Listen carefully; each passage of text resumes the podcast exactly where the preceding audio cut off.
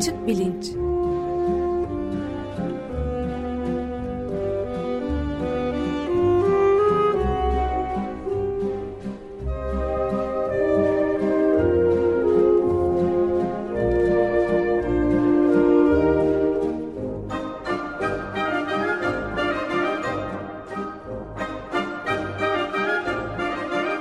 Güven Güzeldere ile bilim ve felsefe sohbetleri. Merhabalar Güven Bey. E, günaydın Özdeş. Hoş geldiniz. E, merhaba Özlem Hanım, günaydın. E, bugün bir konuğumuz var herhalde. Siz tanıtır mısınız? E, tabii bugün e, Ömer Madra yok, bizimle değil. Fakat e, bizim acı ve ağrı serimiz sürüyor. E, konuğumuz da bugün Ankara'dan e, bağlanıyor, programa katılıyor. Profesör Doktor Hülya Karataş Kurşun. Hoş geldiniz Hülya Hanım. Hoş bulduk, teşekkür Hoş geldiniz. Hoş, Hoş geldiniz. Hoş bulduk. E, şimdi biz e, Ağrı Acı serisinin ilk e, bölümlerinde daha ziyade periferal mekanizmalardan bahsettik. Yani vücudumuzun dış çeperinden e, kaynaklanan bir sinyalin işte ne şekilde acı ve ağrı hissine dönüştüğünden bahsettik. Nöromüsküler hastalıklardan, nöropatolojilerden bahsettik. Fakat e, son belki 50 yılda bir düşünce devrimi gerçekleşti diye e, düşünüyorum ben ağrı acı alanında.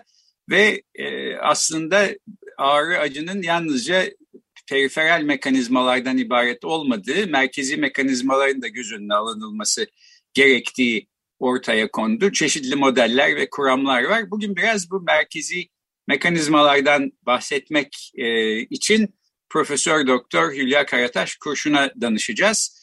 Kendisinin ilgi alanlarından bir tanesi aslında geçen haftaki konuğumuz Betül Baykan'la konuştuğumuz e, konuyla aynı baş ağrısı. E, baş ağrısı haliyle işte yani ayağıma diken battı, elimi e, kestim, canım acıdı filandan farklı bir e, profil arz ediyor. Bu anlamda merkezi mekanizmalara da ihtiyaç duyan bir e, ağrı çeşidi belki. E, konuğumuz Profesör Hülya Karataş Kurşun Hacettepe e, Üniversitesi'nde e, hem e, hekimlik derecesi hem e, bilim doktorası derecesi var. İkisi de Hacettepe'den. Bir sürede Harvard Üniversitesi'nin Massachusetts General Hospital isimli hastanesinde e, doktora sonrası çalışmalar yapmış. Aynı zamanda 2021 senesinde Uluslararası Baş Ağrısı Derneği'nin Mükemmellik Mührü adı verilen e, çok prestijli bir ödülünü kazanmış. Tebrik ediyoruz bu e, açıdan da yeniden. E, şimdi bu merkezi mekanizmalara girmeden önce aslında bir e, konuğumuz bana yazıp sormuş. E, diyor ki algoloji diye de bir alan var. E, ağrıdan acıdan bahsedecekseniz algolojiden bahsetmemek olmaz e, haklı, nispeten yeni bir alan, e, yeni bir terim. Bu terimi hiç duymamış olan dinleyicilerimiz olabilir. Belki buradan kısaca başlasak, algoloji denilince ne anlayacağız? Algolog diye e, kime e, denir? Çok teşekkürler. E, algoloji söylediğiniz gibi e, aslında son yıllarda ihtiyaç üzerine ortaya çıkan bir yan uzmanlık dalı haline geldi. E, aslında ağrı temelde e, nörologların konusu olarak bilinmesine rağmen anestezi uzmanları da bu konuya e, çok ilgi gösterdiler. E, ve algoloji alanında onlar da e, yan dal e, ihtisası yaparak bu konuda uzmanlaştılar. Algologlar ne yapar? Ee, yani ağrı e, daha önceki programlarınızı dinledim ben. Ee, bir savunma mekanizması iyi bir şey ama e, patolojik ağrı haline geldiğinde, kronikleştiğinde özellikle çok büyük sorun haline geliyor. Bu durumda da hastalar e, normal aile hekimleri ya da işte ikinci, üçüncü basamak uzmanlarından yanıt alamıyorlar. Daha da uzmanlaşmış kişilere başvurmak zorunda kalıyorlar. Algologlar burada devreye giriyorlar. Ee, hem medikal tedavi hem paramedikal tedavi hem de invaziv işlemlerle e, işte kök e, enjeksiyonları, e, blokajlar gibi e, invaziv işlemlerle hastaların ağrılarını gidermeye çalışıyorlar. E, tamam, çok teşekkürler. E, şimdi biz biraz bir merkezi mekanizmalara dönelim e, diye düşünüyorum. Yani e, sinyaller işte vücudun dış çeperlerinden içerilere doğru, beyine doğru gidiyor. Fakat e, orada da bir şeyler oluyor. Hatta yalnızca sinyalin şiddeti cinsinden e, deneyimlediğimiz acıyı ya da ağrıyı e, belki e, öngöremiyoruz. Çünkü bu modellerde yukarıdan aşağı doğru bir e, nedensel etki olduğu da söyleniyor. E, işte 1965 yılında ilk kez Melzack ve Wall diye iki e, ağrı araştırmacısının ortaya koyduğu, öne sürdüğü kapı kontrol teorisi diye bir teoriden itibaren bu alan e, bir hayli canlandı diye ben anlıyorum uzaktan bakarak. Siz içinde olan bir araştırmacı olarak biraz bu merkezi kısmından bahsedebilir misiniz? Tabii ki. E, şimdi e, Ağrı'nın e, kapı kontrol teorisi 1965'te söylediğiniz gibi iki yazar tarafından Science dergisinde ilk kez yayınlanıyor ve e, o günden beri de aslında Ağrı'da çığır açıcı bir e, teori olarak e, gündemde. E, çünkü e, bizim daha önce adlandıramadığımız pek çok şeyi açıklayabiliyor e, kapı kontrol teorisi. E, biraz öncesine gidersek bunun aslında 1600'lerden itibaren ta Descartes'ten itibaren e, ağrı ile ilgili teoriler ortaya atılmaya başlamış. İşte spesifite teorisi var mesela. Her duyu ayrı bir yol ile e, beyne iletilir e, diyor. Mesela dokunmanın ayrı bir yolu vardır, ağrının ayrı bir yolu vardır. Ama bunu tek bir tüp gibi boş tüpler aracılığıyla e, beyne iletilir. İşte bir e, uyarı, e, bir kapı vardır en uçta, o açılır ve yukarıya gider uyarı gibi. 300 yıl kadar filan bunun üstünde duruluyor ama ondan sonra farklı e, teoriler ortaya atılıyor. Bir tanesi yoğunluk teorisi mesela. E, o da diyor ki her duyu için ayrı bir e, yol yoktur. E, duyunun e, ya da uyaranın şiddeti, yoğunluğu önemlidir. Yani e, işte size e, normalde dokunma gibi gelen bir uyarı daha çok e, bastırırsanız örneğin ağrı gibi hissedilir. Yani yoğunluk arttıkça o normal dokunma algısından ağrıya doğru kayar e, gibi bir e, teori. E, patern teorisi var. Buna göre tek bir sistem yoktur. Nöron toplulukları, nöron popülasyonlarının uyarılmasıyla ve onların belli bir eşiği geçmesiyle biz ağrı hissederiz gibi. E, bunlar böyle e, 1965'e kadar öne sürülen teoriler. Bunların hiçbiri birbirini dışlamıyor aslında. E, ve e, ağrının belli e, e, bulgularını, belli e, e, özelliklerini açıklıyor bize. Kapı kontrol teorisinin özelliği şu, periferden e, e, daha önce konuşmalarda geçti, e, aslında farklı sinir lifleriyle biz duyuları alıyoruz. Bir tanesi işte miyelinli, kılıflı, kalın lif, lifler. Bunlar böyle mekanik duyar, e, mekanik e, olarak uyarılıyor. Yani e, işte olma, baskı, vibrasyon, germe gibi e, ya da sıcak, soğuk gibi. E, A delta ve C lifleri var. Bunlar da e, birisi miyelinsiz, birisi ince miyelinli lifler. E, ağrı asıl bunlar iletiyor. Bunlar aynı yerden e, omuriliğe giriyorlar. Arka kökte e, substansia gelatinosa denilen e, jelatin madde dediğimiz yerde sonlanıyorlar. Ee, şimdi bu kapı kontrol teorisine göre ağrıyı ileten bu ilk periferden gelen birinci sıra e, sinir lifleri e, santrale bu ağrıyı iletmek için ikinci sıra yani farklı bir sinir lifiyle e, kaynaşmak zorunda. Yani bir e, sinaps oluşturmak zorunda, kimyasal bir etkileşime girmek zorunda. E, böyle olunca yukarıya beyne ağrıyı iletiyor. Ama e, siz diyelim ki kolunuzu bir yere çarptınız. Ağrı e, lifleri yukarı doğru iletmeye başladılar. Siz orayı ovarsanız diyelim ki e, ya da kolunuzu sallarsanız ya da soğuk uygularsanız bu sefer farklı tipteki e, reseptörleri, farklı tipteki sinir liflerini uyarıyorsunuz. Yani e, kalın e, miyelinli lifleri uyarıyorsunuz. Bu kalın miyelinli lifler de omurilikte e, o jelatin madde dediğimiz yerde baskılayıcı ara nöronlar aracılığıyla sizin ağrı ileten liflerinizi durduruyor. Dolayısıyla bir kapı görevi görüyor oradaki baskılayıcı ara nöronlar. Ee, yani işte çocukluktan beri işte e, bir yere çarptığınızda elinizi sallamanız, bastırmanız ya da soğuk uygulamanız refleks olarak yaptığımız şeyler aslında o omurilikteki, arka kökteki e, kapıyı kapatmak için. Yukarıya ağrı gitmesin diye. Bu durumda siz ağrıyı daha az hissediyorsunuz ya da ağrı tamamen durabiliyor. Evet yani farkında bile olmadan aslında elimizi ovuyoruz ya da sallıyoruz bir yere evet. vurduğumuz zaman. Ee, ama aslında bunun bir faydası varmış ve faydasının da hangi mekanizma ile çalıştığı bu kapı kontrol teorisiyle sonunda 1965'te ortaya evet. çıkmış galiba değil mi? Evet. E, bu e, teori e, ortaya atıldıktan sonra özellikle fizyoterapi alanında yani TENS denen işte e, küçük e, şeyler elektrik uyarıları verilmesi ya da soğuk ya da masaj gibi teknikler e, hep bu yol üstünden aslında ağrıyı e, durduran ya da azaltan yöntemler olarak e, gündeme gelmiş. Peki şimdi bir de e, İngilizce'de en azından literatürde e, cognitive penetrability of perception diye geçen bir şey var. Algının e, bilişsel olarak algıya e, nüfuz edilmesi. E, buradan da şu kastediliyor. Genel olarak bizim e, algı sistemlerimiz modüler bir şekilde çalışıyor. Yani gözümüzü açtığımız zaman karşımızda ne varsa onu görüyoruz. Ne görmek istiyorsak onu görüyor değiliz. E, zaten algı bizim istediğimize, beklentimize göre tamamıyla belirleniyor olsa e, algı görevini görmezdi.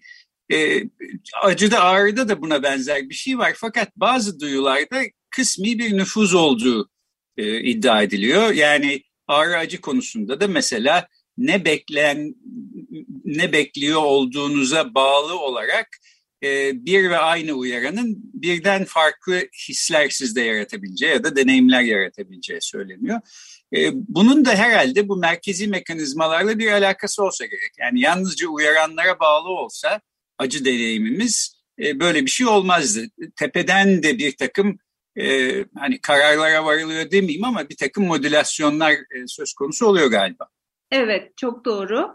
Ee, şimdi e, ağrının e, durdurulması için yani e, bir yeriniz ağrıdığında bir işte bu periferden gelen ya da dışarıdaki uyarıya bağlı oluşan kapı kontrol teorisi ile e, ağrıyı siz önleyebiliyorsunuz. Bir şekilde müdahale edebiliyorsunuz en azından.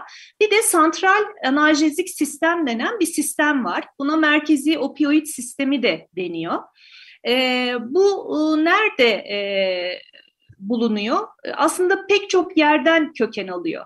E, temelde beyin sapında ve talamusun altında e, bizim beyin omurilik sıvısının dolaştığı kanalın etrafında hücre kümecikleri var. E, bunlara işte spesifik isimleri var. Periakodaktal gri cevher deniyor, rafenükleus, locus gibi.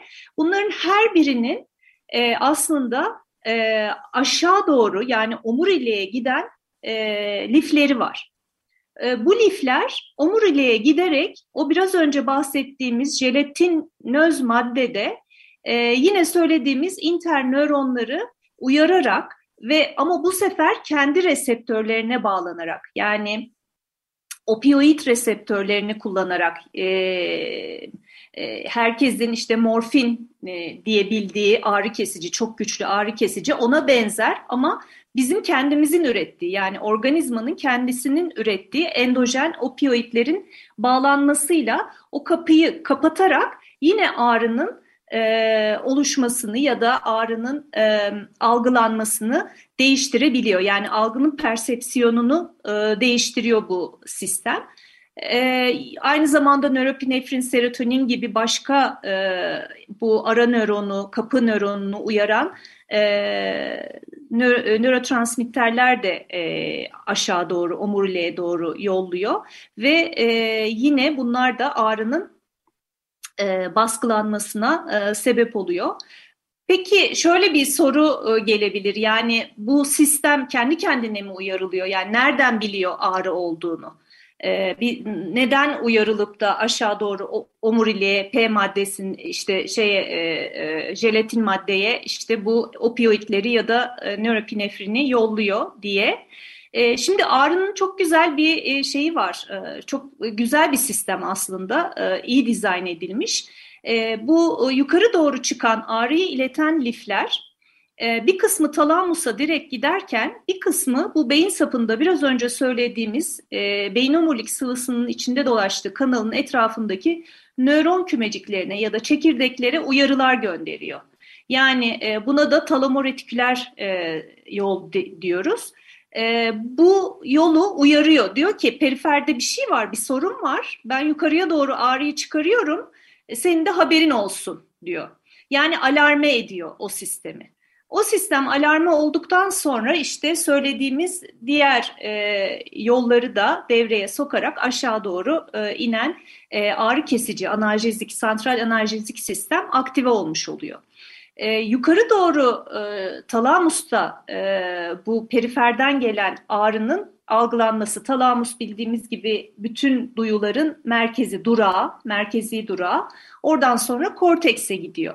Şimdi bu e, şeyin e, santral e, endojen opioid sistemin uyarılmasında sadece bu aşağıdan gelen sistemin değil, yolun değil, aynı zamanda santral limbik sistem, parietal korteks, e, hipotalamus gibi yukarıda bulunan sistemlerin de bu uyarılmada etkisi var. Bunlar neyi sağlıyorlar? Daha önceki tecrübelerden mesela daha önce başınıza böyle bir şey geldiyse işte ona göre ne yapmanız gerektiğini biliyorsunuz. Ya da limbik sistem e, işte ağrıya karşı hissettiğiniz hoşnutsuzluğu devreye sokuyor. E, hipotalamus diyelim ki çok ağrınız var bulantıyı devreye sokuyor gibi e, pek çok e, ağrıya eşlik eden belirtiler de bu sistemin e, uyarılmasıyla aslında e, meydana geliyor. E, aslında bunu e, Melzak e, 1968'de ve 1990'da iki farklı teoriyle kendi ilk teorisini revize etmiş. E, bir tanesi e, bu 1968'de ağrı çok e, multimodüler e, ve kompleks bir sistem aracılığıyla oluşur, algılanır ve ağrıya cevap yani ağrının modülasyonu da bu kompleks sistem aracılığıyla ortaya çıkar demiş. 1990'da bunu daha da ileri götürmüş. Bu sefer nöronal bir e, şey network ağdan bahsetmiş. Yani bu merkezi sinir sisteminde yukarıda beyinde pek çok bölgeden e, kalkan uyarılar sonucu biz ağrıyı algılarız. E, tek bir işte parietal korteksteki somatosensoryal bölgenin uyarılması yetmez.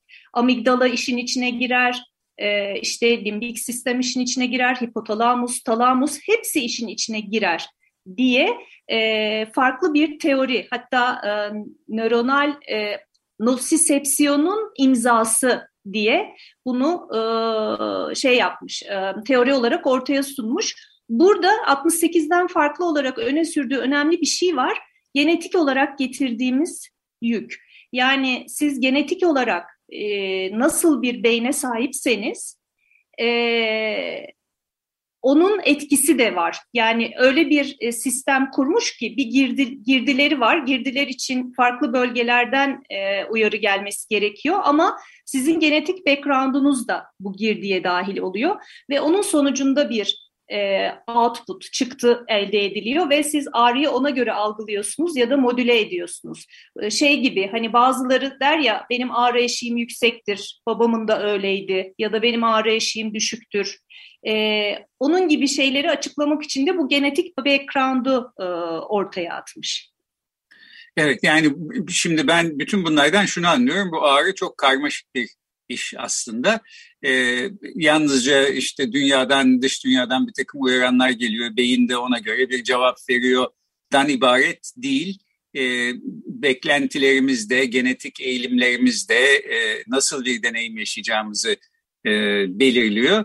Sahiden de e, beklentiye göre deneyimin değiştiği de e, açık. Yani işte ne bileyim e, veya bir futbol maçında e, ayağına e, tekme yiyen, e, bacağına tekme yiyen futbolcu fark edemeyebiliyor acıyı. Çünkü vücudunun içinde e, işte bir takım e, morfine benzer maddeler üreten ve bu acıyı kontrol eden mekanizmalar o anda e, aktif. E, şunu da anlıyorum yani keyif için mesela e, bir acı ya da ağrı hissetmezken morfin alan bir kişinin morfine bağımlı olması çok daha kolayken ağrı mekanizmaları aktif olmuş. İşte mesela ameliyattan sonra e, kendisine morfin verilen e, kişiler morfin bağımlısı olmuyorlar. Bu da içsel mekanizmaların herhalde e, ne kadar aslında e, dışarıdan gelen uyaranlarla bir arada çalıştığını gösteriyor diye anlıyorum. E, şimdi bütün bu karmaşıklık içinde size şunu sorayım. Bu geniş alanda sizce daha ne kadar yol alınması lazım? İşin ne kadar başındasınız ya da iyi kötü artık anlıyoruz ağrının, acının nasıl olduğunu diye düşünüyor musunuz? Genel e, anlayış nedir? Ee, şöyle, e, aslında bana göre başındayız. yani e, bu teoriler e, ya da işte her bir sistemin her bir parçasını tek tek ortaya koymak deneysel modellerle e, güzel ama e, bence şu andaki kavrayışımızla e, e, bütünü e, tam olarak görebilmiş değiliz. Bu nedenle de e, tam olarak müdahale edemiyoruz. Yani e, çok dirençli ağrısı olan hastalarda mesela çare olamıyoruz. E, dolayısıyla bence işin başındayız. E, şöyle ki e, şimdi ağrı hep söylenir ya ağrı subjektiftir, özneldir. E, herkes farklı e, olarak algılar. Size ağrılı gelen başkasına gelmeyebilir. Evet ya da ameliyattan sonra bir hastaya işte hekim şey diyebilir aman ne oldu işte bu kadar da ağrı çekecek ne var gibi bir şey de söyleyebilir ama hasta onu öyle algılıyordur, öyle hissediyordur. İşte biraz önce söylediğimiz pek çok şey nedeniyle. E, dolayısıyla bana göre kişiye özel, kişinin e, ağrı e, algısını e, periferden itibaren nasıl hissettiğiyle ilgili ne bileyim reseptör seviyesinde ya da iyon kanalı seviyesinde e, olan farklılıkları artık anlamaya çalışmamız lazım. Dolayısıyla kişiye özel tedaviler e, bence e, ağrıda özellikle çok önemli. E, çünkü dediğim gibi her ilaç e, yani aynı tanıyı koyuyorsunuz ama e, her ilaç e, aynı derecede etki etmiyor hastalarda. E, dolayısıyla e, böyle bir kişiselleştirilmiş e, araştırmaları da gerek var diye düşünüyorum. Evet, bu Uluslararası Ağrı Çalışmaları Derneği'nin de aslında ağrı tanımında hemen e, yani birinci cümlenin ardından gelen bir açıklama var. Ağrıda öznellik unsuru vardır, göz önüne alınmalıdır diyor. Yani aynı uyaran işte size çok acı veriyor olabilir. E, ben de pek bir e, etki yaratmıyordur. Bu sizin acınızın ya da ağrınızın görmezden gelinmesi gerektiği anlamına gelmiyor. Sizin başka sebeplerden dolayı işte deneyiminiz benimkinden farklı olabilir. Böyle görmek, öznelliğe önem vermek gerekiyor gibi anlıyorum. Bu da sizin işinizi herhalde iki katı zorlaştırıyor. Evet, evet. Çok doğru. Peki şimdi aslında programın son dakikalarına da geldik. Bitirirken söylemek istediğiniz yani ya gördüğünüz hastalar üzerinden ya yaptığınız araştırmalara dayanarak falan e, birkaç kapanış cümlesi varsa ben sözü size bırakayım. E, çok teşekkürler. E, şöyle e, ben birazcık inflamasyon kısmı yani ağrıya sebep olan bu inflamasyonla ilgili çalışıyorum ve e, aslında bu inflamasyonun bildiğimiz e, işte enfeksiyona bağlı inflamasyon gibi olmadığını, böyle bir para inflamasyon yani e, sistemde dengenin bozulmasıyla ortaya çıkan e, bir inflamasyonun ağrıya e, temelde sebep olabileceğini ve e, sistemin bunu bu homeostazı dengeye getirerek e, ortadan kaldırabileceği üzerine çalışmalarımız var. E, umarım başka bir programda bundan da e, bahsedebiliriz. E, bu para inflamasyon e, ve ona bağlı e, oluşan e, parankimal yolak ve ağrı mekanizması da e, son derece enteresan. E, teşekkür ediyorum ben. Peki biz çok teşekkür ederiz. Galiba gelecek hafta bayram tatili dolayısıyla açık gazete olmayacak diye anlıyorum. Özdeş doğru evet, mu? Evet, doğru.